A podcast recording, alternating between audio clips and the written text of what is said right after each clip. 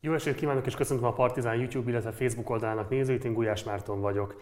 Egy évvel ezelőtt tartották a Vatikáni Püspöki konferenciát a kiskorúak védelmében. Ez volt az első olyan az egyház által szervezett szakmai rendezvény, amely megpróbálták föltárni és utánjárni annak, hogy milyen kiterjedtséggel zajlanak szexuális bántalmazások kiskorúak sérelmére papok vagy papi személyek által az egyházon belül. Éppen ezért az évfordulóra készülve Úrfi Pétert hívtuk el a 444 újságíróját, aki egyedülálló módon a tavaly évben egy hat részes cikksorozattal járt utána annak, hogy Magyarországon mi a helyzet a kiskorú bántalmazásokkal kapcsolatban, amelyet papi személyek vagy papok követnek el. Éppen ezért a következő nagyjából egy órában Úrfi Péter cikksorozatát nézzük át, azt, hogy annak ellenére, hogy egyedülálló módon a magyar sajtóban számos olyan esetet tárt fel, amelyekről korábban nem lehetett hallani, a cikksorozat mégsem tűnik úgy, hogy jelentős társadalmi visszhangot váltott volna ki. Miért maradt el? Egyébként a régióban is valamelyest egyedülálló módon a szembenézés azzal, hogy mi zajlik, vagy mi zajlik többek között a katolikus egyház berkein belül. Ez lesz a mai adás témája, kezdünk. Szervusz Péter! Köszöntelek a stúdióban. Mielőtt rátérnénk a konkrét témánkra, kérlek, hogy röviden mutasd be magad a nézőknek, mert nem biztos, hogy mindenki ismeri a munkásságodat. Ugye te a Néninének vagy jelenleg a munkatársa, korábban a Magyar Narancsnál dolgoztál. Mit érdemes tudni még rólad? Hát viszonylag messziről az irodalom kritika világából érkeztem az újságírásba, és aztán utána kulturális újságíró voltam, egy kulturális rovatvezető a Narancsnál, és utána szépen lassan átfolytam a, a politikai újságírásba is. Aztán pedig most a 444-nél pedig már ugyanúgy, ahogy a 444-nél amúgy mindenki mindenféle témával foglalkozok. Az elmúlt egy évben elsősorban gyerekmolesztáló papokkal. Ugye, amikor tavaly volt a, a 4 szerzőnek egy ilyen összefoglaló írás, hogy ki mit tartott a legjelentősebb munkájának, te kiemelten hivatkoztál erre a cikk sorozatodra. Ez lehet azt mondani, hogy a te szakmai pályafutásodban is egy mérföldkő volt akkor ezek szerint? Az biztos, hogy a legfontosabb uh, munkám, ami, ami egyébként korán sem ért véget, tehát ezt uh, azért több éve gondoltam ki, hogy ezt neki kellene vágni egy ilyen cikksorozatnak. Egy éve jelent meg az első cikk, és simán lehet ebbe még több hónap, vagy több év, vagy szóval ez egy, ezt még most felvállaltam úgy, hogy addig csinálom, amíg ezt kell csinálni. Mi az, ami miatt kiváltotta az érdeklődésed a témát? Mi volt az, ami miatt elindultál ezeknek az ügyeknek a nyomán? Hát ennek volt egy, egy személyes, meg egy szakmai része, és ez azért tényleg több évvel ezelőtt összeállt a fejembe. Az egyik az, hogy amikor volt 2013-14-ben volt talán a két leghíresebb ilyen gyerekmolesztálási ügy, az egyik a Sipos ügy, a másik pedig az M. Matya, a Pannonhalmi szerzetes ügye. És Hát én azt vettem észre, hogy itt van ez a két eset. Korábban sem nagyon volt ekkora visszhangot kiváltó ö, ügy. Azóta is kevés van, ami elérné ennek a, nem tudom, a hatását, vagy a visszhangját. És hát én ezt a két embert ismertem viszonylag jól, volt hozzájuk többféle közöm, és hát eléggé ilyen villámcsapás-szerűen ért ez a dolog, és akkor azt gondoltam, hogy hát valamit ezzel kéne kezdenem újságíróként, hogyha már ilyen úgymond körülöttem lévő emberekről derül ki ilyen. Ez az egyik része, a másik pedig egy olyan, nem tudom, az is részben személyes, de szakmai motiváció, hogy hát a, most 2010 óta viszonylag ritkán látunk olyan, hogy az újságírás változást tudna elérni hogyha leleplez valamit. És az én elgondolásom az az volt, hogy ez egy olyan téma, amivel el lehet érni hatást, mert nem a, a politika legfelsőbb köreiben kell e, változásra kényszeríteni valakit, hanem az egyházon belül igenis rengeteg olyan jó szándékú ember van, akinek ez lelkiismereti válságot okoz. Ezt lehet látni azért a, a, azoknak az áldozatoknak a visszajelzéseiből is, akikkel én dolgozom, hogy, hogy, ha valaki megtalálja őket. Vannak ilyen papok is, akik írnak nekik, és felajánlják a segítségüket. De nyilván ez egy, ez, ez egy alsóbb szint, és ami fontos lenne, az az intézményi változás, de szerintem azt is el lehet érni. Tehát, hogy még nem lehet rávenni, nem tudom, Tibor Istvánt, hogy hagyja abba azt, amit csinál, mert erre nem nagyon vannak eszközei az újságíróknak, illetve ilyen behatárolt a mozgásterű, de mondjuk egy egyházi gimnázium nem teheti meg, hogy ne legyenek nagyon erős gyerekvédelmi protokolljai, mert nem fogják oda küldeni az emberek a gyerekeiket. Tehát én azt, azt láttam meg ebbe a, a, ebbe a történetbe, hogy itt a független újságírás, meg a tényfeltárás, az, az tud valós változásokat elérni. Térjünk is majd rá mindjárt arra, hogy milyen változást lehet elérni. Mielőtt azonban ezt megtennénk, készültünk egy összefoglalóval Péter hat részes cikksorozatából. Itt nyilvánvalóan csak a legfontosabb pillanatokra tudtunk kitérni, hiszen ez valóban egy nagyon terjedelmes cikksorozat, amivel egyébként elég nehéz szembesülni, azt gondolom, hogy felkavaró lehet végigolvasni nagyon sokaknak, nekem legalábbis az volt. Éppen ezért most azt szeretném jelezni nézőinknek, hogy egy felkavaró témával foglalkozunk, akinek érzékenységevel ez sértő lehet, azt kérem, hogy ennek a tudatában folytassa a műsor nézését. Következik most tehát akkor egy összefoglaló ebből a hat részes cikk sorozatból, és akkor utána ennek ezt követően folytatjuk a beszélgetést Úrfi Péterrel. Kérem a bejátszást. Good evening. After nine hours of deliberations, a jury convicts the former priest of fondling a 10 year old. It's the first conviction against the man who's accused of preying on more than 100 children. What say you, Mr. Foreperson? Is the defendant guilty or not guilty? Guilty. Offense is charged indecent assault and battery on a child under 14 years of age. Habár a katolikus egyház évszázadok óta próbálja szabályozni felszentelt tagjainak szexuális kihágásait, a szélesebb közvélemény csak az elmúlt évtizedekben szembesült azzal, hogy a katolikus egyház a gyermekek sérelmére elkövetett bűncselekményeknek leginkább kitett intézmények egyike. 2002-ben a bosztoni Spotlightok nyomozó csapata mutatott be több száz olyan történetet, melyek nem csak azért voltak megrendítőek, mert részletesen ismertették egyes papok által elkövetett szexuális bántalmazásokat, hanem mert fényderült arra is, hogy az egyházi vezetők hogyan rejtegették a világi hatóságok elől a gyerekmolesztáló papokat. A módszer ugyanis a legtöbbször ugyanaz volt. Ha rajta kaptak egy papot, hogy szexuálisan zaklatott egy kiskorút, akkor az egyház megpróbálta eltusolni az ügyet. A papot ezt követően elküldték egyházon belül egy rövidebb kivizsgálásra vagy kezelésre, majd utána áthelyezték egy másik plébániára, ahol folytathatta a szexuális bántalmazásokat. A bosztoni botrány hatására világszerte vizsgálatok indultak, ami után világossá vált, hogy rendszer szintű a probléma. Ezután az egyház is változtatott hozzáállásán, és a jelenség tagadása helyett elindított egy belső megtisztulási folyamatot, melynek egyik fontos állomása volt a tavaly februárban Vatikánban megtartott gyermekvédelmi konferencia, amely az egyház történelmének legnagyobb ilyen eseménye volt.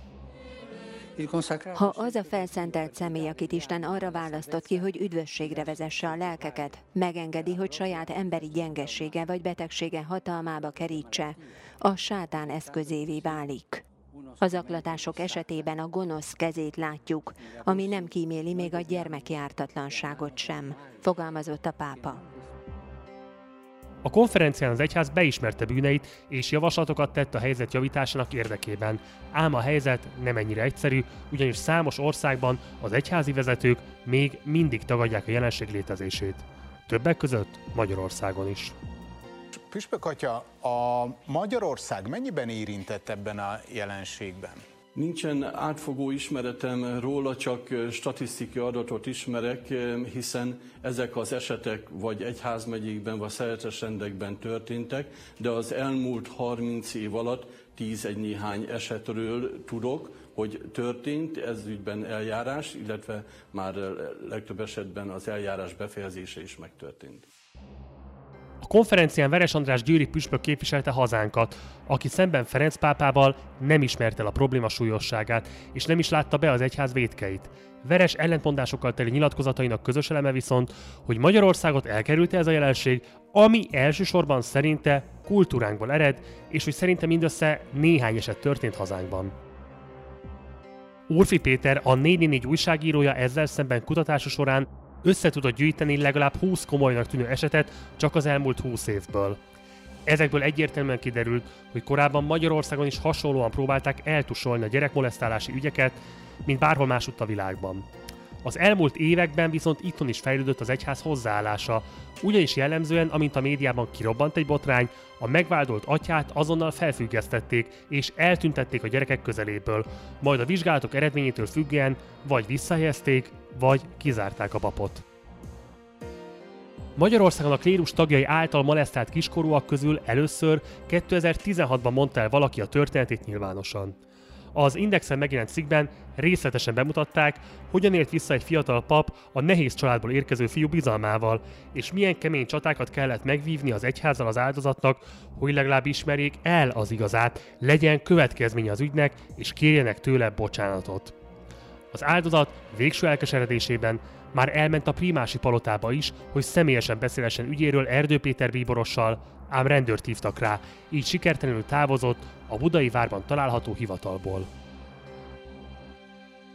Az áldozat később személyesen kereste fel azt a plébánost, akinek gyerekként elmesélte a történteket, és számon kérte rajta, hogy miért nem tett utána évekig semmit, amikor tudta, hogy a plébániáján szolgáló lelkipásztor gyermekeket zaklat szexuálisan.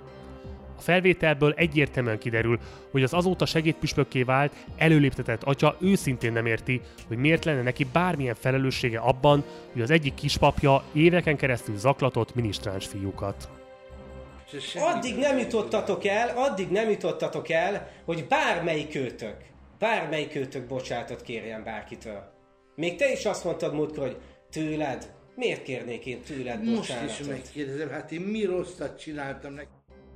Hát de mikor jut tudomásomra? Hány évvel után, amikor már nem tudom mennyi cirkuszotok minden oldalról, meg próbálkoztatom, ezt tettétek, azt tettétek, utólag nem tudom, 15, akkor is, nem tudom Tudod, hány gyereket vegzett ebben az időben a Nem tudom, de most ezt miért Érdekel? kell nekem tudnom? Nem is érdekel.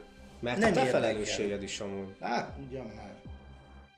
A cikk sorozat utolsó részében a Piarista Gimnázium egykori tanárának, Antal atyának a történetét ismerhettük meg, akiről még a 80-as évek közepén derült ki, hogy több gyermeket is molesztált. A piaristák végül nem zárták ki a rendből, de azt tanácsolták neki, hogy az idős gondozásban helyezkedjen el.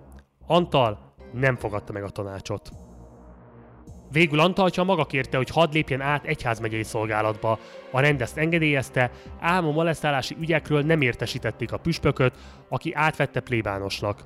2010-ben viszont, vélhetően egy friss bejelentés után, vizsgálódni kezdtek a Vatikánban ellene, ám ennek ellenére a pap egészen 2019 tavaszáig szolgált a Szeged-Csanádi egyházmegyében, amikor is az egyházi közön kiirdetése szerint betegszabadságra ment.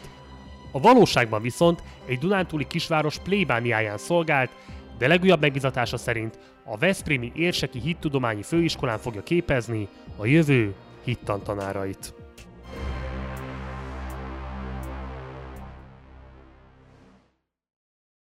Szóval ez volt az összefoglalója a cikk sorozatodnak. Menjünk kronológikusan, ugye pont a bejátszásban is azt láttuk legelőször, hogy a Spotlight című filmből, ami ugye a Boston Globe oknyomozó sorozata, riport sorozata alapján készült. Egyébként szerintem meglehetősen gyenge film, de ez most egy zárójeles megjegyzés. Szóval mégiscsak 2002-ben indult el először az, hogy egy komoly oknyomozó munkát végző riporter csapat feltárt több olyan pedofil bűncselekményt is, amelyekben a helyi egyházmegye szisztematikusan megpróbálkozott ezen ügyeknek az eltusolásával, nem azok feltárásában, nem az áldozatok védelmében fektetett energiát, hanem kifejezetten a zaklató, bántalmazó munkatársának, beosztottainak, papjainak a védelmét, vagy, vagy valamilyen módon a kimenekítését próbálta meg elérni.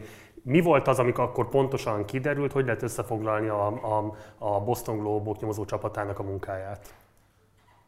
Hát a- ez akármilyen szomorú, a Boston Globe-nak a cikk sorozata az elsősorban azért jelentett egy új, új lépést, vagy egy új szintet, mert nagyon nagy visszhangja volt.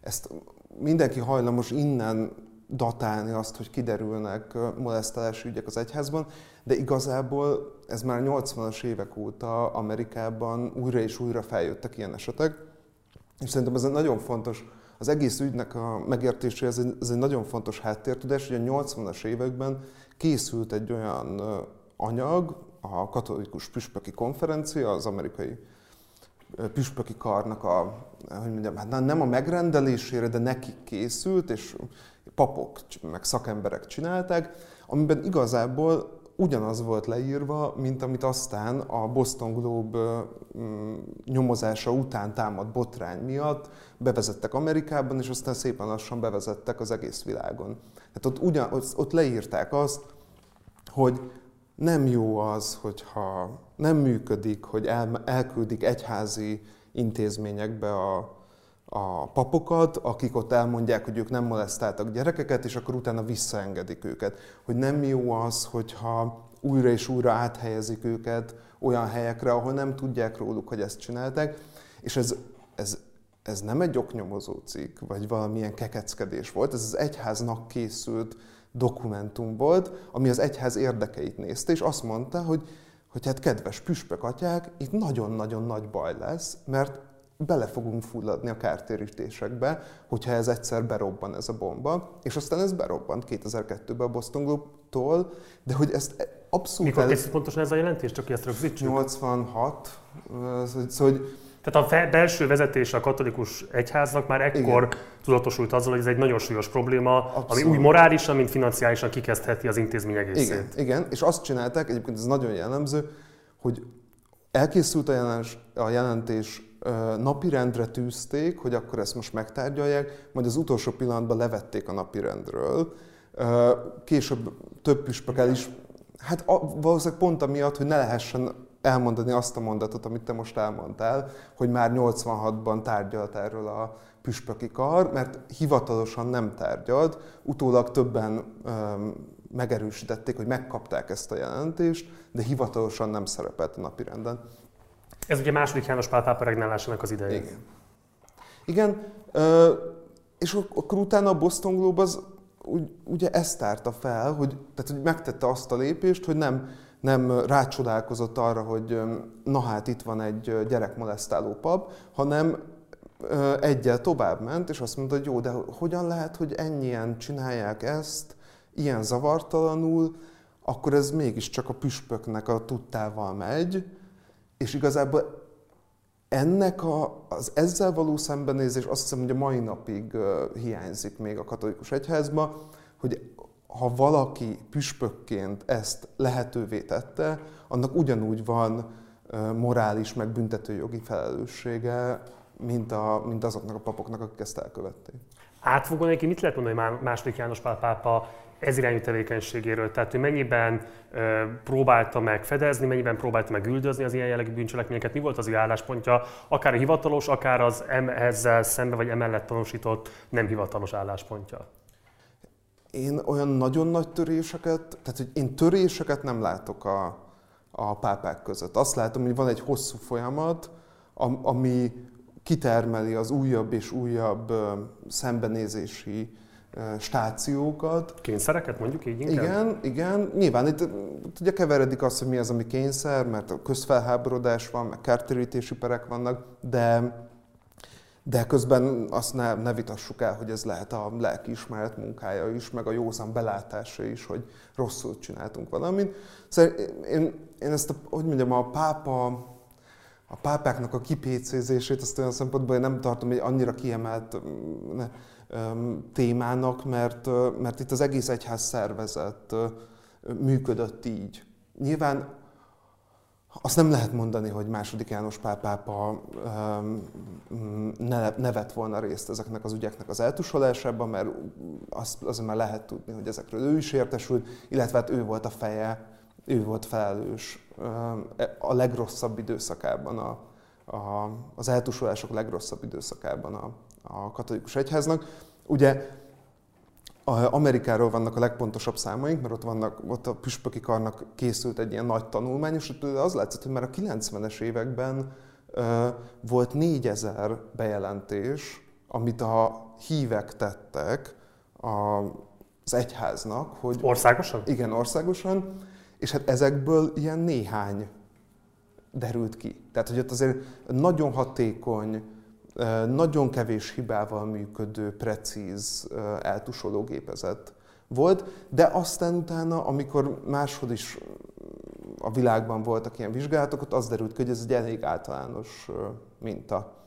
Úgyhogy szerintem, a, hogy mondjam, a, a, a, mondjuk a Ratzinger esetében látványosabb a fejlődés, mert ugye a második János Pál pápa az már csak a végét kapta, vagy tehát ugye a pápaságának a végén futott fel ez a botrány, neki kevesebb esélye volt így a nyilvánosság előtt megváltozni. És utána Ferenc pápa meg, úgy mondjam, a, folytatta, én azt mondanám, hogy folytatta azt, amit a, a Benedek elkezdett, és ő sem makulátlan ezekben az ügyekben. Ő is egy tanulási folyamatban van, de hát nyilván az, hogy ahogy a nő beszél, az korábban példátlan volt, és itt a szavak azok nagyon fontosak ebben a történetben. Ugye pont az első éves évfordulója van ennek a püspöki konferenciának, amiről beszéltem már a, a felvezetőmben is. Ugye ezt kifejezetten a kiskorúak védelmében ö, szervezte meg a Vatikán. Mit lehet elmondani erről a konferenciáról? Mi volt ennek a jelentősége, és hogyan épült ez be esetleg az egyház gyakorlatába az azóta eltelt egy év alatt? Hát itt az látszott, hogy ennek az előzménye az volt, hogy a Vatikán, ahogyan mentek előre a, az újabb és újabb botrányok, újabb és újabb intézkedéseket, ajánlásokat hozott, hogy hogyan kéne változtatni, hogyan lehetne biztonságosabb helyé tenni az egyházat. De ezt bizonyos országokban, ahogy egy vatikáni szakértő nyilatkozott róla, a fejlődő országokban nem nagyon vették figyelembe. Magyarország is ezek közé a fejlődő országok közé tartozik. Nálunk sem, tehát hogy voltak, tehát például az egyik nagyon fontos ajánlás, ami egy ilyen kulcskérdés, hogy hozzanak létre ilyen bejelentő vonalakat, netes, telefonos, ahol, azt, ahol kiállnak a nyilvánosság elé, és azt mondják, hogy kedves áldozatok, testvéreink, itt mondjátok el, hogyha baj van, és segítünk. Ugye ez egy nagyon erős gesztus, tehát kell egy intézményi háttér, de kell egy ilyen nagyon erős kiállás is, és ez ajánlás szinten létezik már 2011 óta, illetve még az is nagyon fontos, hogy legyenek az egyes intézményeknek különböző eljárásrendjeik. Tehát, hogy amikor valaki tesz egy panaszt, akkor ne az legyen, hogy tett egy panaszt valakinek, és akkor az vagy foglalkozik, vagy nem, hanem hogy akkor legyen egy ilyen kötelező módja, hogy akkor ezt ne lehessen elsikálni. De bocsánat, csak hogy jól értek, tehát 2011 óta van egy ajánlás, ami arról Igen. szól, hogy az egyház dolgozzon ki áldozatvédelmi rendszert, bejelentő rendszert, Igen. ami gondolom anonim, és segíti azt, hogy ténylegesen az áldozat érdekei kerüljenek figyelembevételre, és ehhez képest tartunk ott, Igen. hogy és akkor ehhez képest ez, ez a konferencia ez igazából arról szólt részben... Hogy most akkor komolyan kéne venni ezt az ajánlást? Igen. Tehát hogy arról szólt, hogy például, hogy az olyan emberek, mint Veres András vegye ezt komolyan, majd Veres András hazajött, és azt mondta, hogy hát nálunk ilyenek nincsenek, hát ez... És ez, ez, ezért nagyon sokan azt mondták, hogy kudarc volt ez a konferencia. A, nem tudom, az ilyen kritikusabb egyházi sajtóban is ilyen nagyon felemás volt a visszhangja, mert hogy nagyon erős gesztusokat tettek meg a jelenlévők, Ferenc pápa is, meg a felszólaló bíborosok áldozatokat hallgattak meg, ami azért ne tagadjuk el, hogy az nagy dolog. Tehát, hogy ott a Vatikán királyi termében ott a, egy áldozat elmondja, hogy mi történt vele, és az összes elnök püspöknek ezt meg kell hallgatnia. És erről egyébként Veres András is azt mondta, hogy megrázó élmény volt, csak aztán utána hazament, és nem csinált semmit, illetve elmondta, hogy nálunk nincs ez a probléma.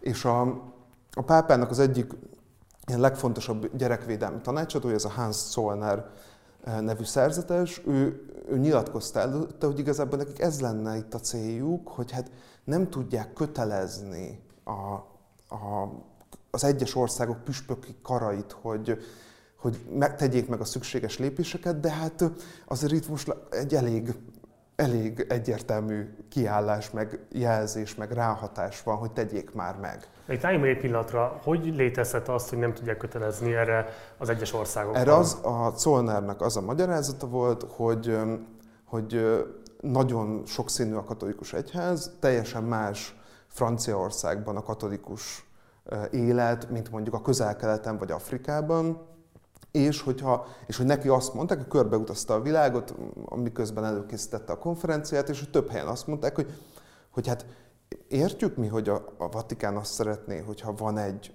bejelentés az áldozattól, akkor mi ezt jelezzük a világi hatóságoknak, de akkor nekünk le fogják vágni a fejünket. Mert hogy konkrétan.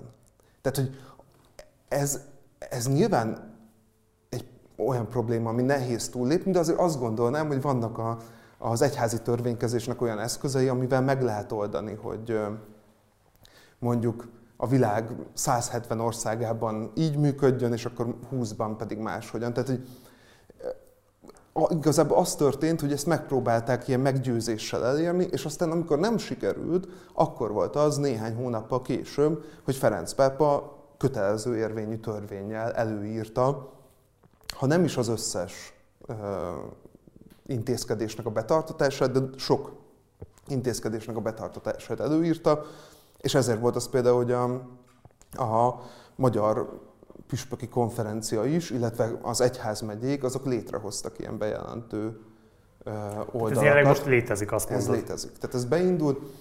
De akkor bocsánat, akkor végül az derült ki, azért mégiscsak vannak eszközei az Igen. egyháznak, Igen. csak ezt törvényi szinten pápai deklarációban kell Igen. valamilyen módon kifejteni. De akkor miért késett késnek ezzel 2011-től tavalyig, hát az legalább 8 év, hogyha mondjuk a megelőző időszakot nem is nézzük. Tehát, hogy miért kellett 8 évig kvázi ezt egy ilyen diszkrecionális lehetőségként biztosítani az egyes nemzetállamok területén működő egyházak számára? Miért nem lehetett ezt korábban is ugyanígy deklarálni a, a mindenkori pápának? Szerintem ez egy hiba volt. Ezt ők is így gondolják szerinted? A Zollner így gondolja. Ezt neked mondta? I- igen, amikor beszéltünk, akkor ő rajta látszott, hogy vannak olyan, tehát hogy ő, sok hibát, azt most konkrétan a bejelentő rendszereknek a kötelező vétételéről mit gondolsz, nem tudom, de hogy amikor beszéltünk, akkor az látszott, hogy szerinte nem működik elég hatékonyan a... Tehát például arról elég szenvedélyesen beszélt, hogy, hogy nem is tudom hány, 18 vagy szóval valami nagyon kevés ember van, aki a Vatikánba elküldött ügyeket vizsgálja, és ezért ilyen éves hátralékok vannak, és akkor azt mondta, hogy hát ez nonsens, tehát hogy ezen ezen azonnal változtatni kell.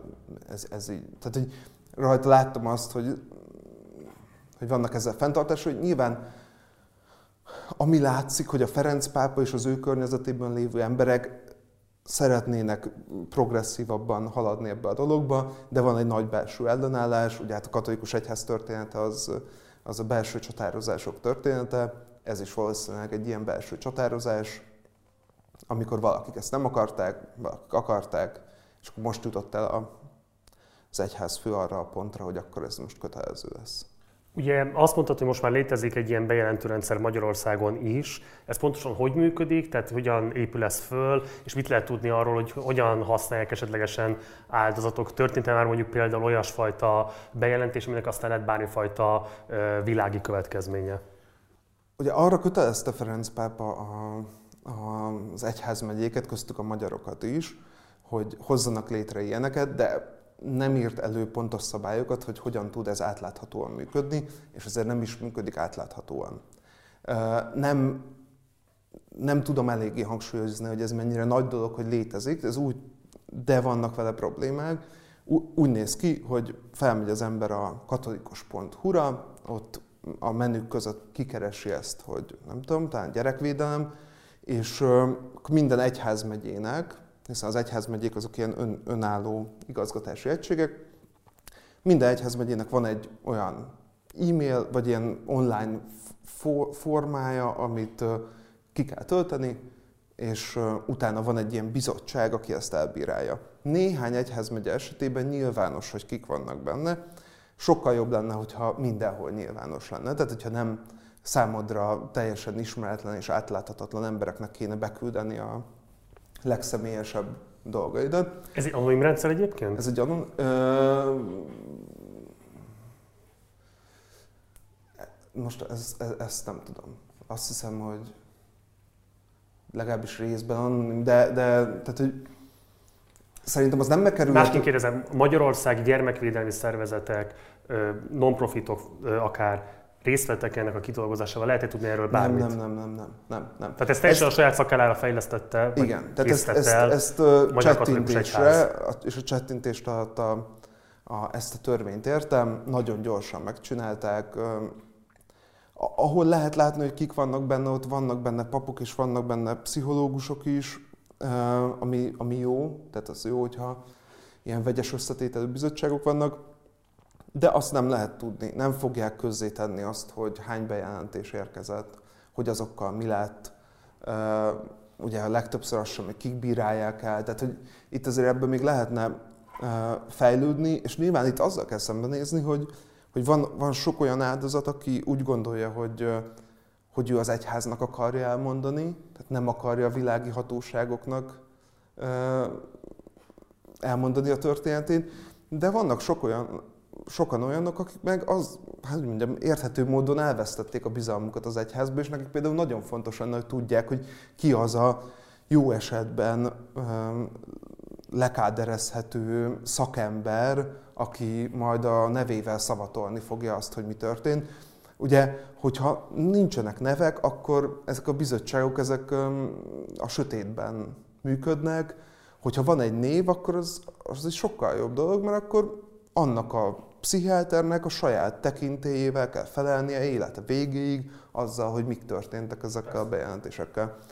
Ami egy, nyilván egy teher, de mégiscsak így működhetne jól. De mondom, nagyon fontos, hogy van ilyen, a független attól, hogy hogyan jött létre. Most én megnéztem én konkrétan az Esztergom Budapesti Főegyház megyének ezt az oldalát, és hát itt ez konkrétan nem egy anonim oldal, itt van egy kötelező névmegadás, van egy kötelező e-mail cím megadás, és egy kötelező lakcím megadás, és az eset leírása is kötelező legalább 500 vagy maximum 500 karakterben. Ez, én nem vagyok gyermekvédelmi szakember, de nekem nem tűnik professzionális bejelentési rendszernek, de ha, ha azt mondod, hogy már önmagában ez is egy fontos előrelépés, én ezt elfogadom.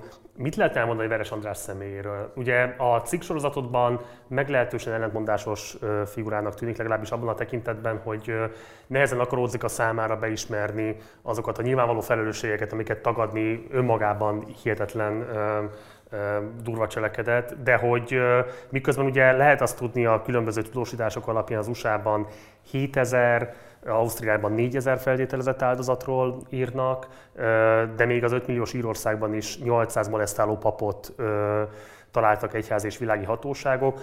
Azon közben ugye Veres azzal védi a magyar egyházközösséget, hogy kevés ilyen eset történt, és bár mondjuk a világegyházban ez gyakori, így fogalmaz Magyarországon, kulturális hagyományunkból adódóan nem bántalmazzuk a gyerekeket, ami ugye egy nagyon ha megengedő vagyok, akkor szerencsétlen, ha kevésbé vagyok megengedő, akkor nagyon pofátlan állítás egy olyan országban, ahol ezres nagyságrendben bántalmaznak egyébként gyermekeket. Most nem az egyházon belül, hanem a statisztikák alapján évente.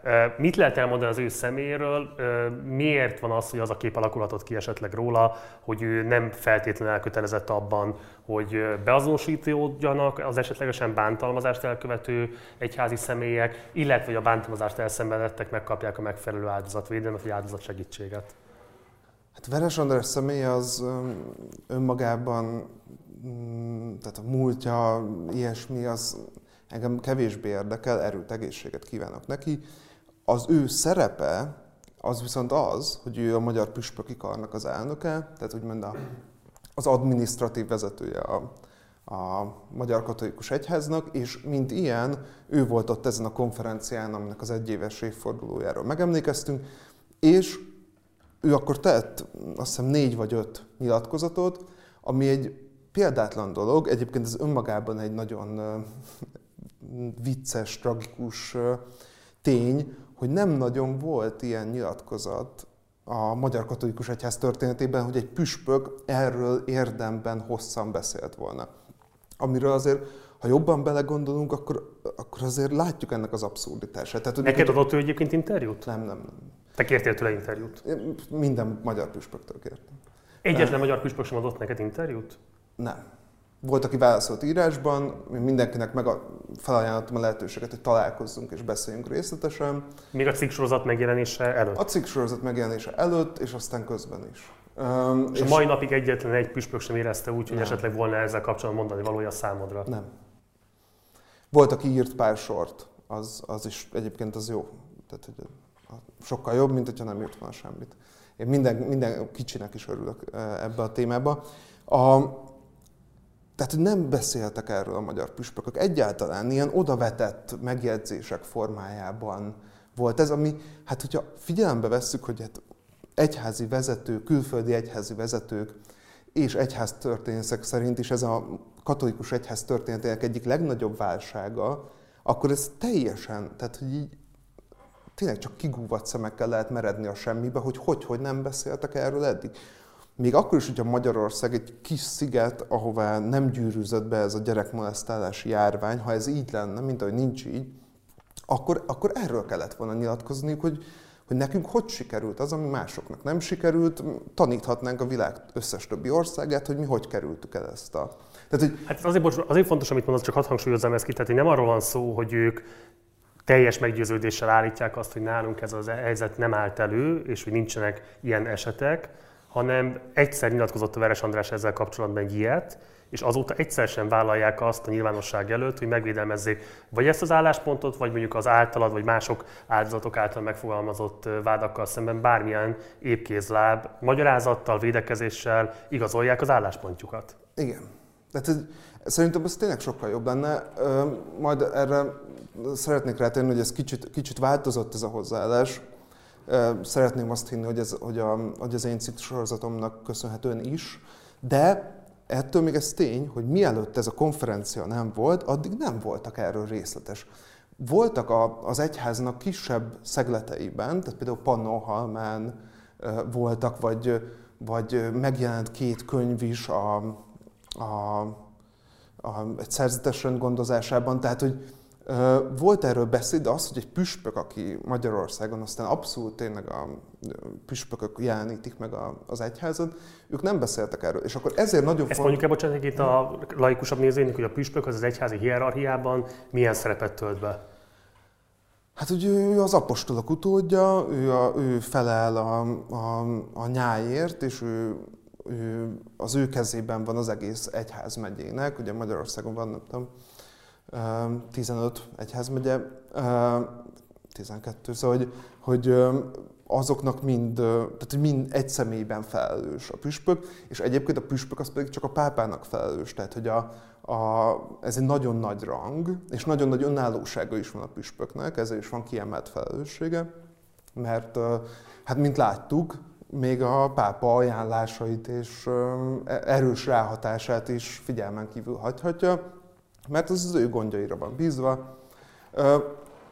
Tehát, hogy a Veresnek a megszólalásai ezután a konferencia után azért voltak nagyon fontosak, mert azért volt egy, ez egy hatalmas lehetőség, hogy végre valaki, ráadásul a püspöki kar elnöke részletesen beszélt erről, mert eddig nem volt ilyen. A, és hát amit elmondott, azzal nyilván valamilyen szinten érdemes foglalkozni, mert mégiscsak ő mondta egy ilyen kiemelt helyzetben, de azért, ha valaki ezzel részletesen foglalkozik, akkor ezek nem annyira vitaképes állítások. Tehát, hogy arról beszélni, mint amit ő mondott, hogy a 68-as szexuális szabadosság volt az, ami a világra kényszerítette itt a gyerekmolesztálást a katolikus egyházon belül. Ugye, hogyha valaki megnézi, ugye az 50-es, 60-as években volt a, hogy úgy mondjam, a gyerekmolesztáló papok fénykora. Tehát, hogy az, az akkor volt a legtöbb, 50-es, 60-as, 70-es években. Tehát, hogy ezek, ezek semmilyen tényszerű um, vizsgálat próbáját nem állják ki, az sem, hogy azt mondja, hogy a liberalizmus volt az, ami, ami, ami súlyosbította ezt a helyzetet. Hogyha most megnéznénk, hogy melyik országban mennyire van liberális társadalom, akkor az nyilván nem mutat semmilyen összefüggést azzal, hogy mennyi gyerek molesztáló. Ugye az nagyon beszédes a Veresnek a, a retorikájában, vagy a mondjuk így védekezési stratégiájában, hogy egyszer sem a tagadás, egyszer sem az ellenbizonyítás jellemzi, hanem folyamatosan egy relativizáló beszédmódot használ, amiben megpróbál mindenféle vélt vagy valós egyéb kulturális hatásokkal részben igazolni azt, hogy nálunk ilyesmi nincs, részben pedig igazolni azt, hogy hát miért lett egyáltalán erről szó. De konkrétan mondjuk az egyháznak és konkrétan mondjuk a magyar egyháznak a szerepéről, felelősségéről, a különböző kérdésekről, dilemmákról, amelyek nyilvánvalóan jellemzik egy-egy egyházmegyének az életét, tényleg nem lehetett találni tőle nyilatkozatot. Tehát nem azért nem vágtunk be ilyesmit ide ebbe a kisfilmbe, mert hogy ez létezik és el akarnánk hallgatni, nem hogy nem találtunk ilyesmit. És egy mellék megjegyzésehez kapcsolódni, hogy ez eredetileg egy páros interjú lett volna, nagyon hosszan, hetekig még egyeztettük ezt az interjút, próbáltunk találni egyházi személy, teológust, akár tényleg sztárpapot is, aki mondjuk így most nem fogom megnevezni a nevét, de hogy ismert a híreket fogyasztó szélesebb nyilvánosság számára, egyik sem vállalta megszólalást. Miért van szerinted az, hogy miközben egyrésztről van a relativizáló beszédmód, hogy ez nem ügy, vagy nem úgy ügy, és egyébként a világ is olyan, hogy, a közben egyébként láthatóan ö, nem képesek megugrani azt, hogy legyen erről valami fajta egységes, valami fajta hihető, valamiféle módon tényleg a hívőket, hitélettel foglalkozókat, vagy laikusokat, hitetleneket is akár tök mindegy, a magyar társadalmat megnyugtató és a velük szemben támasztott erkölcsi elvárásokat igazoló álláspontjuk. Hát én azt gondolom, hogy, hogy ezen a ponton még úgy érzi a katolikus egyház vezetése Magyarországon, hogy, Magyarországon hogy jobban járnak, hogyha nem kommunikálnak erről. Nyilván, hogyha egy, elér egy olyan pontot a, a, az előkerülő ügyeknek a száma, vagy a társadalmi felháborodás, akkor egy idő után elkerülhetetlenné válik, hogy beszélnek, de ezt az ő mércéjük szerint még nem érte el valószínűleg ez, a, ez az ügy. Nyilván én azt gondolom, hogy még hogyha vitatható dolgokat is mondanak, az lenne a jó, hogyha beszélnének erről. Azt nem gondolom, hogy ez ne jutna el a katolikus hívekhez ez, a, ez az ügy. Nagyon érdekes megnézni például a magyar katolikus médiát. Ott ugye az van, hogy amiket Ferenc pápa mond, mondjuk, azok, az megjelenik. Tehát, hogy ott van ilyen tudósítás, hogy miket mondott a, a pápa. Külföldi ügyek is szóba kerülnek, a Boston Globe is van, de magyarországi ügyek egyáltalán. Tehát, hogy, hogyha, hogyha ad, ad ki nyilatkozatot a püspöki kar, akkor azt lehozzák, de ennyi. Tehát, hogy, hogy az, az nekem nagyon nehéz megérteni, hogyha valaki újságíró és dolgozik egy katolikus hogy, hogy nincs lapnál, hír, hogy, nincs ügy. Hogy, az, hogy, az, hogy, hogy ne érdekelné őt ez nagyon, hogy ne akarna ezzel foglalkozni. És egyébként, hogy mondjam, a, az egy nagyon fontos része ennek a világszinten, ennek az egész problémának, hogy a feltárásban, a gyógyításban, a, a, a megbeszélésben nagyon nagy szerepet játszottak a maguk a katolikusok. Tehát, hogy a, az amerikai katolikus médiában ö, az egyik első tényfeltáró cikk gyerekmolesztáló papokról az a National Catholic Reporterben jelent meg. Utána pedig olyan, tehát egy olyan tényleg ilyen nagy, összefoglaló, komoly oknyomozó anyagok jelennek meg, komoly interjú, kritikus kommentárok, és ez igaz a, a papokra is, meg a, a főpapokra is, hogy ott egy nagyon komoly gondolkodás van. Tehát, hogy hogy az nem szabad általánosítani a, a magyarországi szerintem áldatlan helyzetet a világegyházra, mert nagyon sok olyan katolikus értelmiségi megvezető van, aki, aki ezzel nagyon foglalkozik, és igazából sokkal kevesebbet tudnánk erről az egészről, hogyha nem lenne ilyen. Van-e összefüggés egyébként a között, hogy hányan gyakorolják a hitéletet egy adott országban, és a között, hogy az adott országban működő katolikus egyház mennyiben jár élen mondjuk az ilyen harcokban. Ugye Magyarországon azt lehet nagyjából, hogy 10-12 százalék a, a társadalomnak gyakorló ö, ö, katolikus. Lehet-e azt esetleg mondani, hogy ahol mondjuk a hitéletben nagyobb számban vesznek részt hívők, ö, kevésbé mondjuk az államtól függ a jóléte, vagy eltartottsága, vagy bármilyen fajta helyzete az adott egyháznak, és inkább mondjuk a hívek adományára vannak rászorulva, hogy ott nekik érdekükben áll inkább mondjuk adott esetben ilyesfajta hírek esetén tisztázniuk saját magukat. Tehát, hogy lehet ilyesfajta összefüggés mondani az esetek feltártsága között, vagy ez igazából egy fals analógia, amit én most így felhoztam? Hát én nem láttam erre statisztikát, és hogyha csak így konyha filozofálok, akkor se gondolnám, hogy ez feltétlenül Mm, korrelál egymással. Ami szerintem fontos, hogy hol erős a nyilvánosság. Tehát, hogy ott nem véletlen, hogy Amerikában zajlik ennek az egész botránynak a legnagyobb része, és, és a, többi is, hát hogy van, vannak esetek mindenhonnan az egész világról, de hogy a, a jól működő demokratikus társadalmakban van, ahol ennek van nyilvánossága, tehát hogy ahol ahol ezek a sztorik megjelennek nagy elérésű lapokban, és arra muszáj reagálniuk, egyrészt úgy is, hogy beszélni róla, másrészt pedig intézkedéseket hozni.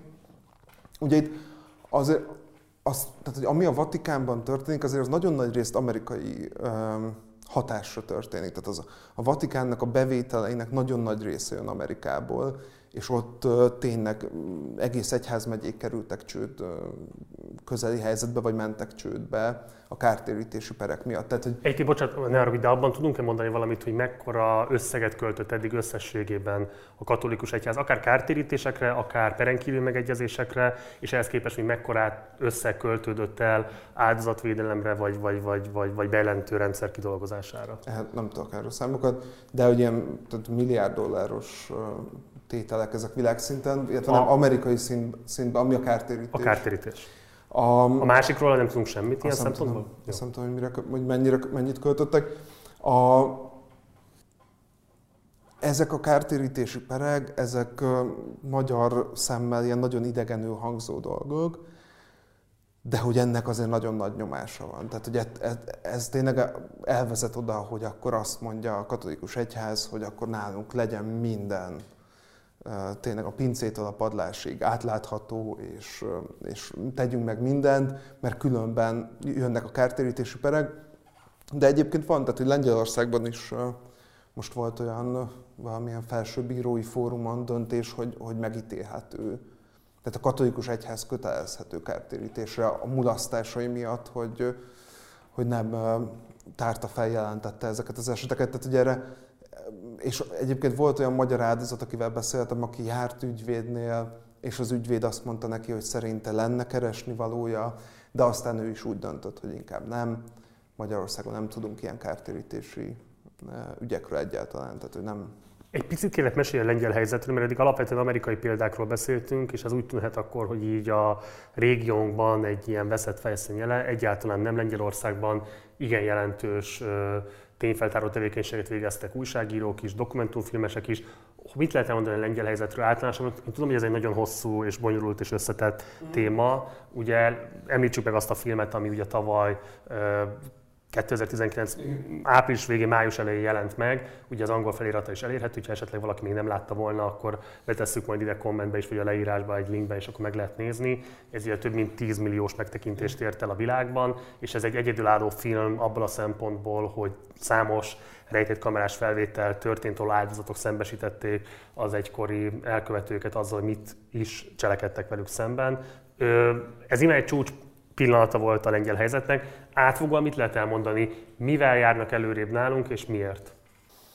Hát ez tényleg fordulópont volt náluk. Ott, a, ott még a film előtt az történt, hogy, el, hogy megjelentek olyan áldozatok, akik kiálltak névvel, arccal, és alapítottak, egy, alapítottak szervezeteket, amik ezt elvitték a, ilyen összesítéseket csináltak, statisztikákat, elvitték a pápához. Tehát, hogy ők, ott volt egy ilyen nem nagy, számszerűleg nem nagy, de hogy egy nagyon aktív közössége az áldozatoknak, akik ezt elkezdték a, a nyilvánosságban tolni, és a film az igazából ebből született, tehát hogy ott a, a, ebből nőtt ki, és utána aztán ez viszont tényleg berobbantotta a, a, a, a lengyel helyzetet, és most már eljutottunk odáig, hogy így a, a, ugyanazokat a dolgokat egyébként, amiket, amik, amikről beszéltünk, hogy fontos intézkedések, azokat a lengyel egyház ledarálta pár hét alatt, tehát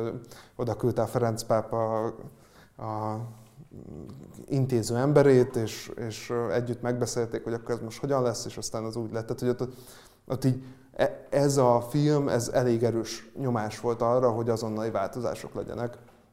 A, és, lett, és volt egy olyan uh, vizsgálat, és ez egy nagyon fontos dolog, tehát hogy nagyon, nagyon erősek az egyedi esetek, nagyon erősek a hangfelvételek, átélhetővé teszik azt, ami, ami történt, de a, a probléma kiterjedésének a felmérését azt nem tudja elvégezni még egy nagyon szorgalmas újságíró sem.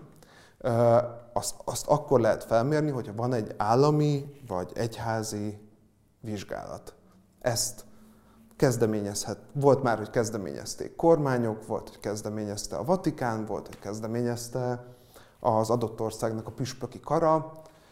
Egyszerűen csak annyi kell hozzá, hogy kijelöljenek, és nyilván gondolom megfizessenek 5-10 embert, akik azt mondják, hogy akkor most mi elkezd, be, bevesszük magunkat a levéltárakba, bekérjük az adatokat, közzéteszünk egy felhívást, hogyha valakinek van valami tudomása ilyen esetről, akkor az jöjjön, és akkor így volt az, hogy Lengyelországban, ahol ilyen Veres Andráshoz hasonló püspöki nyilatkozatok voltak, hogy nálunk csak néhány ügy volt, összejött valami 350 molesztáló papról készült jelentés. Tehát, hogy, hogy én nem, természetesen nem tudok ilyet állítani, hogy akkor Magyarországon is biztos lenne száz, mert fogalmam sincs. De az biztos, hogy a, hogy a, a társadalmi érzékelésnél mindig sokkal kiterjedtebb a probléma. Tehát, hogy Hát ugye pont te írod a cikkedben, hogy Ferenc pápa azt nyilatkozta, hogy az esetek maximum 15%-a lehet az,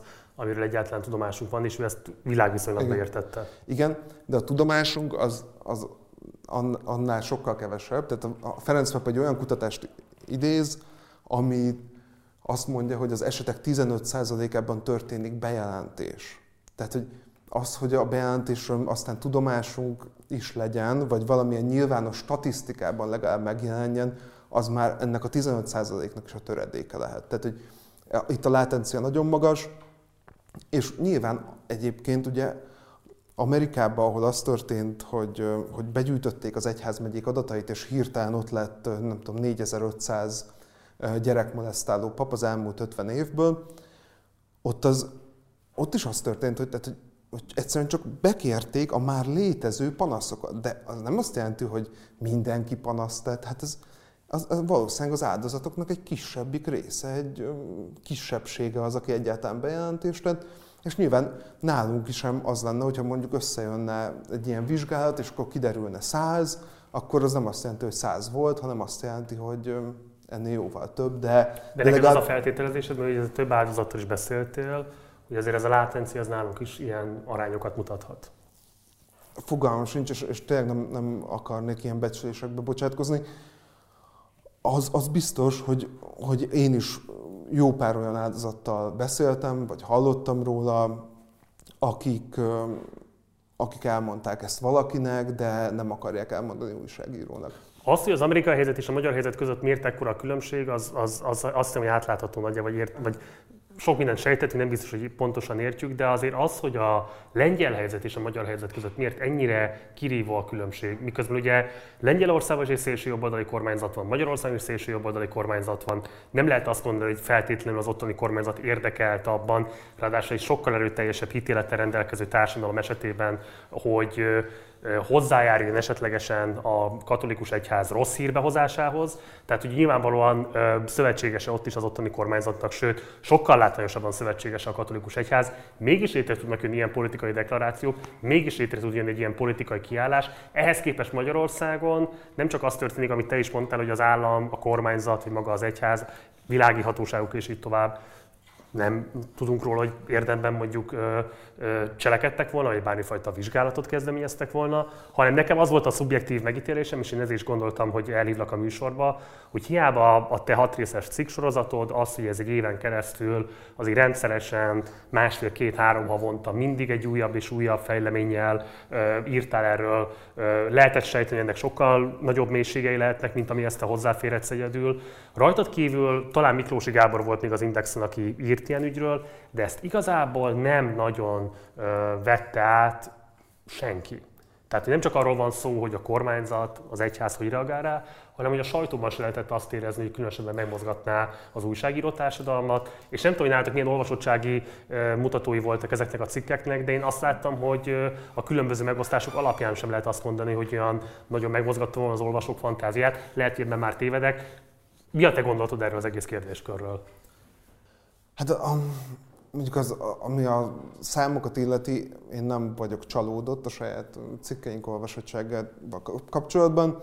A, ahhoz képest, hogy ezek tényleg nagyon hosszú cikkek, ahhoz képest nem, nem olvasták ezeket rosszul egyáltalán, sőt. Azt, hogy miért nem futott végig a magyar médián. Ennek szerintem van egy, egy praktikus oka, amivel én számoltam, és tudom, számot vetettem, hogy direkt nem írtam ilyen úgynevezett hit piece-eket, hanem azt akartam, hogy ezek tényleg legyenek nagyon alapos cikkek, nagyon hosszúak, szólaljon be, meg benne mindenki, akit meg lehet szólaltatni, minden szempont jelenjen meg. Tehát, hogy azért azóta elég régóta dolgozok a médiában ahhoz, hogy tudjam azt, hogy hogyan kell megírni egy olyan cikket, amit aztán sokan fognak szemlézni. Úgy kell megírni, hogy az elejére odarakod a lényeget, szaftos dolgokat, és akkor azt, aki éppen a másik újságnál hírügyeletben van, az gyorsan uh, tudja szemlézni. Most ezek nem ilyen cikkek, direkt nem ilyenek, tehát azt gondoltam, hogy akkor most ez, ez az, akit érdekel mélységében, az szánja rá az időt, mert többet kap, meg, meg jobban, tehát ugye, jobb beszélgetést tud kiindulni ezekből a, a cikkekből. Az, az feltételezem, hogy sok esetben ilyen egyszerű okok miatt uh, nem, uh, nem futott ez végig a magyar médián.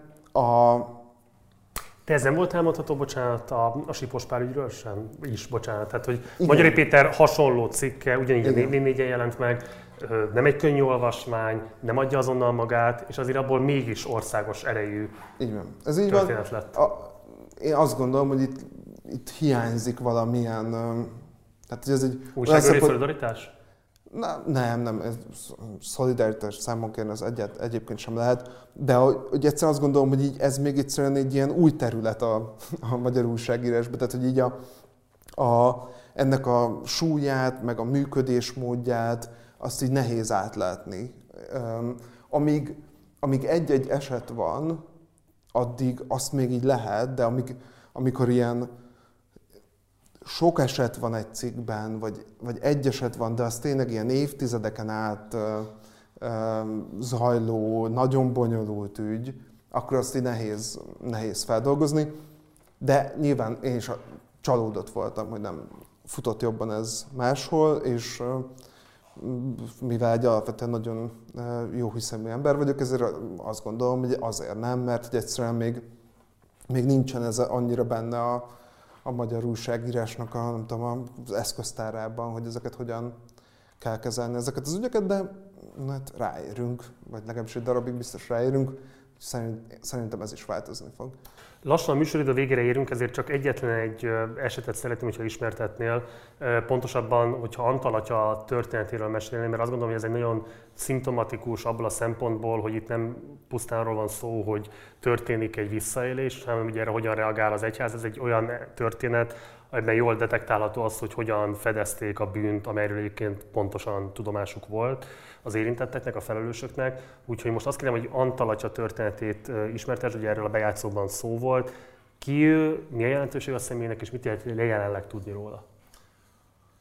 Hát ő egy, egy piarista szerzetes volt, aki, akiről a piarista gimnázium a 80-as években egy bejelentés alapján megállapította, hogy gyereket, gyereket molesztált, egy esetet állapított meg, de annak az áldozatnak, akivel beszéltem, ő neki több esetről is volt tudomása.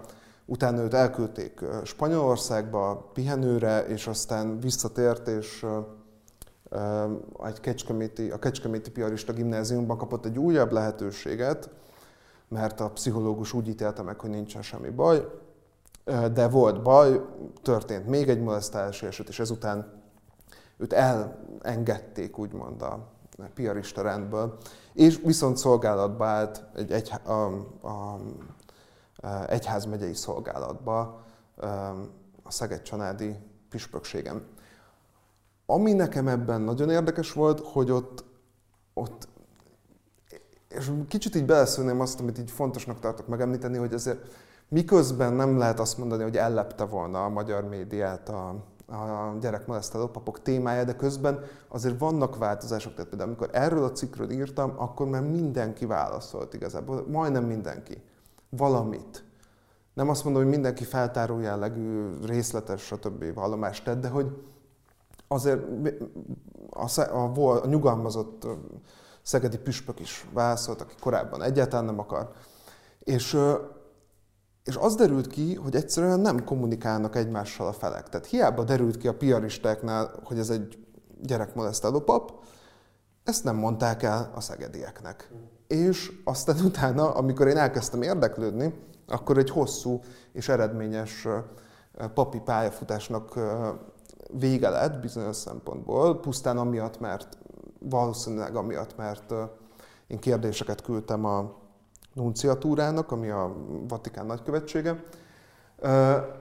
Ezek után ő betegszabadságra kérte magát, és elment egy Dunántúli püspökségre, a püspökség alá tartozó városba, azért akadozok, hogy ne mondjak olyat, amit nem akarok mondani, az anonimitás megőrzése érdekében. És ott megint nem szóltak. Tehát ott megint beszéltem a plébánossal, aki azt mondta, hogy hát ő neki fogalma sem volt róla, de hogy már elment onnan is. Egyébként az, azután egy pár nappal ment el, hogy felhívtam Antalatját, és kértem, hogy mondja az ő verzióját, és akkor elkerült onnan. De, de ott megint az volt, hogy elrakják odébb, és ott láttam, elmentem a misére, ott ugyanúgy mozgott a papként a, a templomban, tehát, hogy, és nem tudta róla senki. Tehát, hogy itt igazából én nem is azt akartam, ez, nem is azt tartom fontosnak ebbe a cikkbe, hogy a szegediek ö, elsumákoltak volna valamit a Szegedi Egyházmegye, vagy, a, vagy a, az, az, az a Dunántúli Egyházmegye, a Veszprémi, ahová került, hanem egyszerűen nem tudtak róla. Illetve nem tudom, hogy tudtak-e, de el tudom képzelni, hogy tényleg nem tudtak. Egyszerűen, szerintem életszerű. Tehát, hogy pont az az életszerű, hogy nem mondanak egymásnak semmit. És szerintem ez például, ha van, szerintem több értelme, sok értelme is volt ennek a cikksorozatnak, meg lesz is, de szerintem ez például az egyik értelme, hogy én nehezen tudom elképzelni, hogy ez sokáig így tartható lenne. Tehát, hogyha tudják, hogy van olyan, aki megírja ezt, akkor ezt már nem lehet csinálni, hogy, hogy akkor nem szólok a saját püspök kollégámnak, hogy, hogy bocs, akit hozzád küldök, az egyébként gyerekeket molesztál, és éppen mindjárt lesz róla egy újságcikk. Tehát, hogy szerintem ezt így nem lehet megcsinálni. És ami pedig a mostani, az utóéletét illeti, ami a bejátszásban is volt, hogy a Veszprémi Hittudományi Főiskolán fog ja, tanítani a mm, jövő nemzedék hitoktatóid. Ez a cikk megjelenése után azonnal leszették a honlapról a nevét.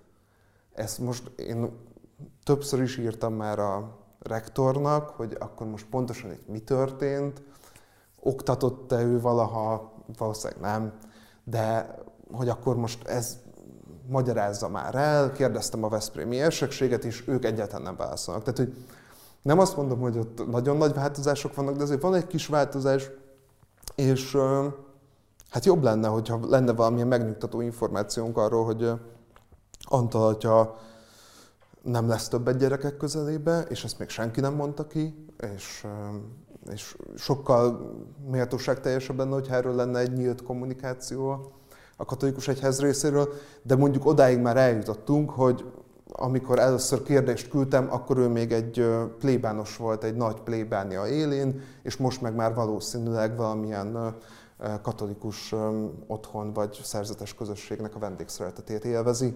Nem tudom pontosan, de hogy már nincsen szolgálatban, az biztos. Szolgálatban nincs, de hívekkel kapcsolatban állhat. Abszolút, abszolút, és fe, tehát hogy a papi tekintélyét használhatja továbbra is.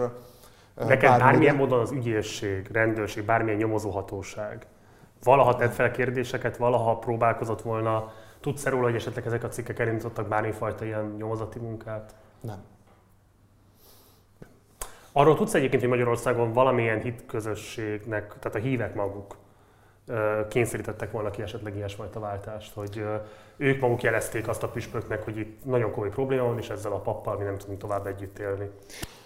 Volt ilyen, amiket összegyűjtettem, régebbi esetek, azok között szerepelnek ilyenek, hogy a, a, a Dégi plébános esete például 99-ből, amikor de ott igazából ott is az volt, hogy nem, nem az volt a probléma, hogy, hogy gyerekeket molesztált, hanem az volt, hogy szóltak, a, a, az igazgató szólt a püspöknek, hogy, hogy legyen olyan kedves odébb rakni a plébános ruhat, mert gyerekeket molesztál, de a, a püspök nem hallgatott rá, és akkor volt az, hogy a sajtóhoz fordultak, és akkor utána elrakta.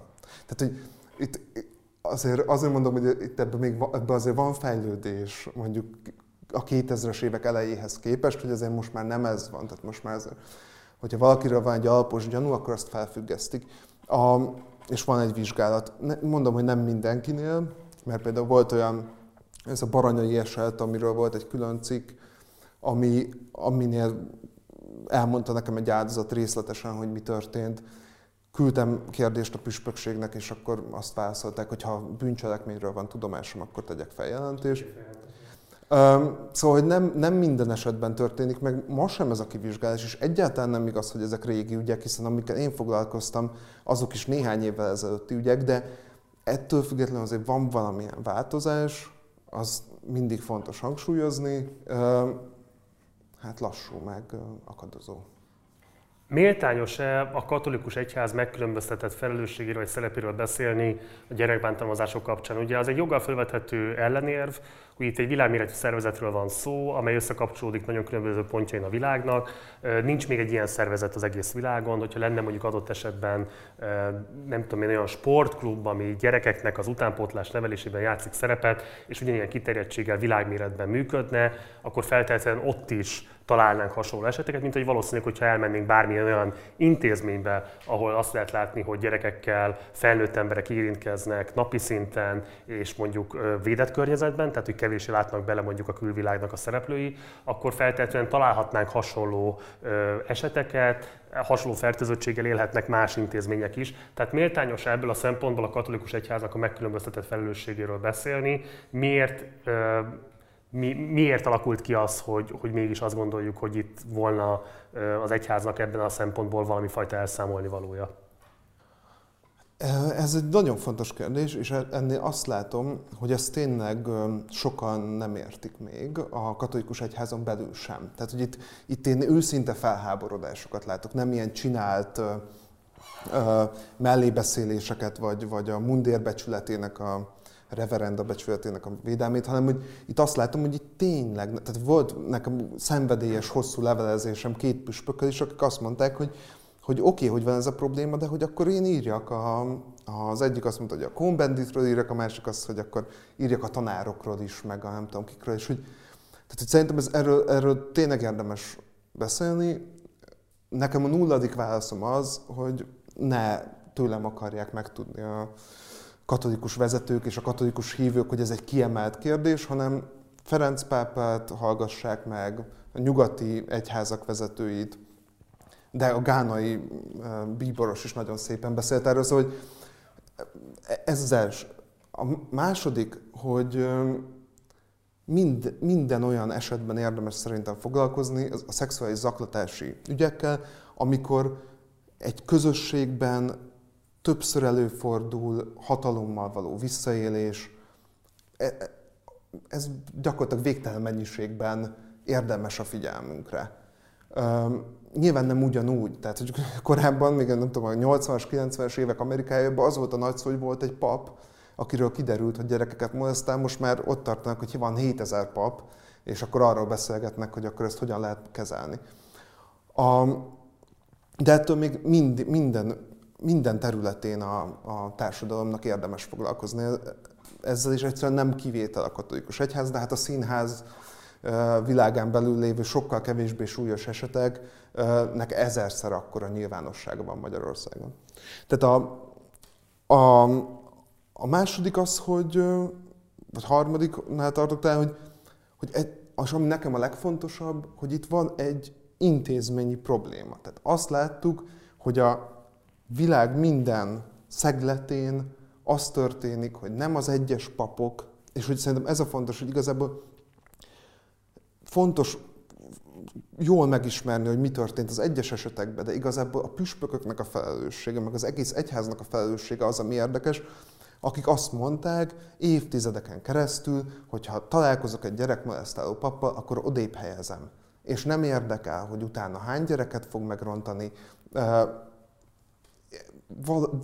volt valamilyen közös eljárás a katolikus egyházban, ez látszik, hogy ez nem véletlen, nem volt egy ilyen doktrína, ami ezt előírta, de voltak erre utalások, és így történt. Tehát, hogy az, szerintem ez egy olyan, olyan súlyos ügy, ami tényleg kevés ilyen van, nem tudom, modern, modern társadalmak történetében, hogy a, a, az erkölcs hirdetésével foglalkozó szervezet évtizedeken keresztül falazott és segítette a gyerekmolesztáló tagjait. Tehát, hogy ez szerintem nem lehet erről eleget beszélni.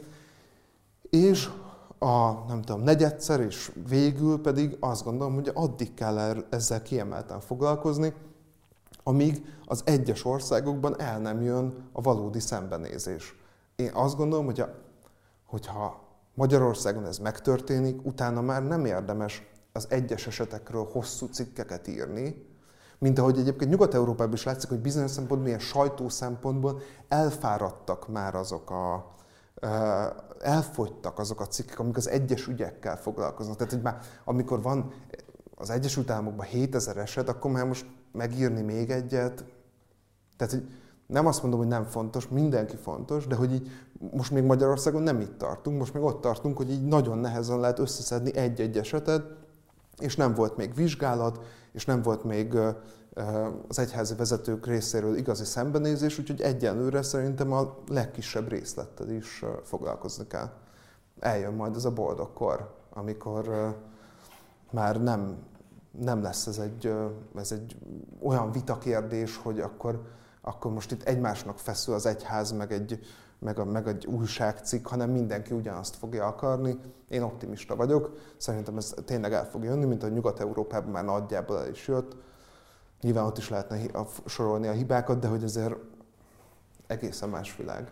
Záró kérdéskör. Mit tehet az áldozat, és ezt válasszuk ketté ezt a kérdést. Az első, hogyha most mondjuk adott esetben hallgatja, vagy nézi ezt a műsort valaki, aki például ennek alapján azt mondja, hogy ő beszélne, szeretne fordulhat mondjuk akár hozzád, kihez fordulhat, hogyan adhat hangot a történetének, mit tudunk ezzel kapcsolatban esetlegesen ajánlani?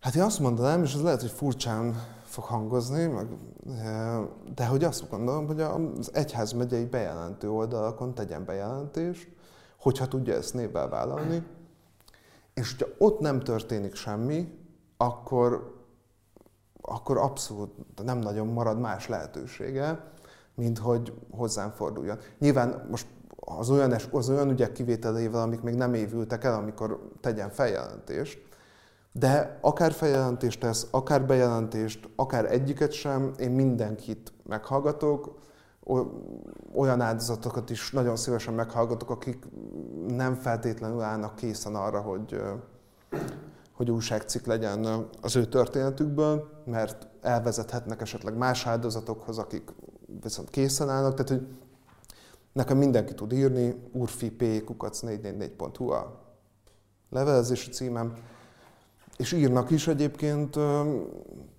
nyilván ez egy nagyon-nagyon erős lélektani ellenállást kell leküzdeni, hogy valaki... Hát ez a másik kérdés, hogy ugye, tehát hogy részben ugye arról van szó, hogy nyilván azért is kell, vagy lehet érdemes, bocsánat, inkább így fogalmazom, érdemes kiállni, mert esetleg ezzel további áldozatokat lehet megmenteni attól, hogy áldozattá váljanak, rá lehet világítani ilyen visszaélésekre, rá lehet világítani ezekre a visszásságokra, de hogy ugye azért a magyarországi tapasztalat azért mégiscsak az, hogy, hogy jobb esetben ignorálják, rosszabb esetben konkrétan meghazudtolják az illetőt, és adott esetben akár még sajtó hadjárat is indulhat ellene, pláne, hogyha még egy kis közösségnek a része, akkor ott aztán még beláthatatlan lehet ennek a, a személyes életére vett következménye.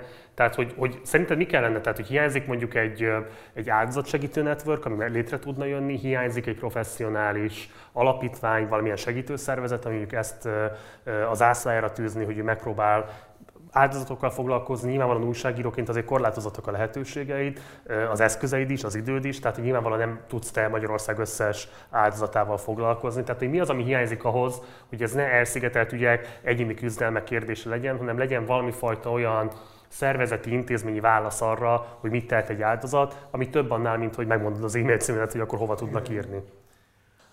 Hát vannak egyébként az egyházmegyéken belül is van, ahol van ilyen segítőcsoport, aki ezzel foglalkozik.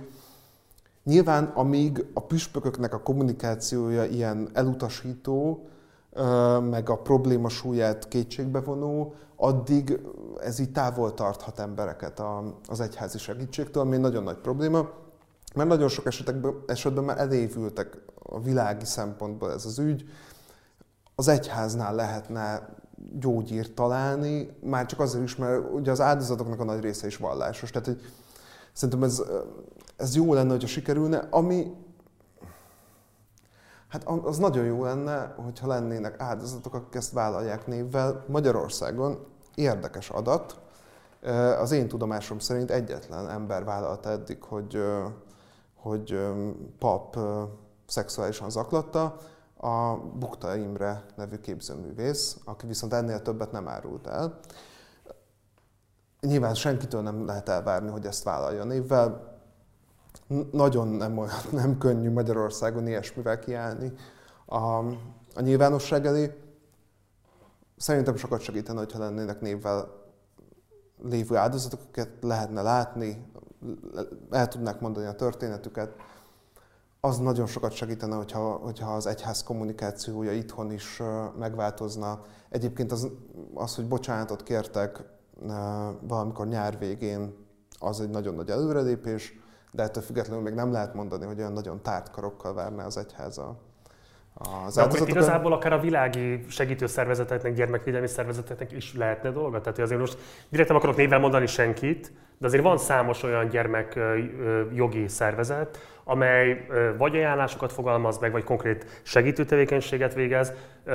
Lenne nekik tenni valójuk abban, hogy valamilyen módon az áldozatvédelem kiterjedjen az ilyen esetekre is? Van, és tesznek is. Én szívesen mondok nevet, hogy a Hintalovon az például dolgozott egyházi... Akkor meg akartam kérdezni, igen, hogy mondjuk ők hát A Hintalovon az dolgozott egyházi intézményekkel, ott ugye az, az állt elő, és tényleg ezzel nem tudom, ilyen, ilyen kicsit ilyenkor már egy a szekunder szégyen érzése van bennem, hogy azért bent be nagyon sok egyházi szervezet abba, hogy a Hintalovonnal dolgozzon együtt, mert egy német alapítvány azt mondta, hogy ő nem ad pénzt addig, amíg nincsen rendes gyerekvédelmi szabályzata a különböző magyar intézményeknek.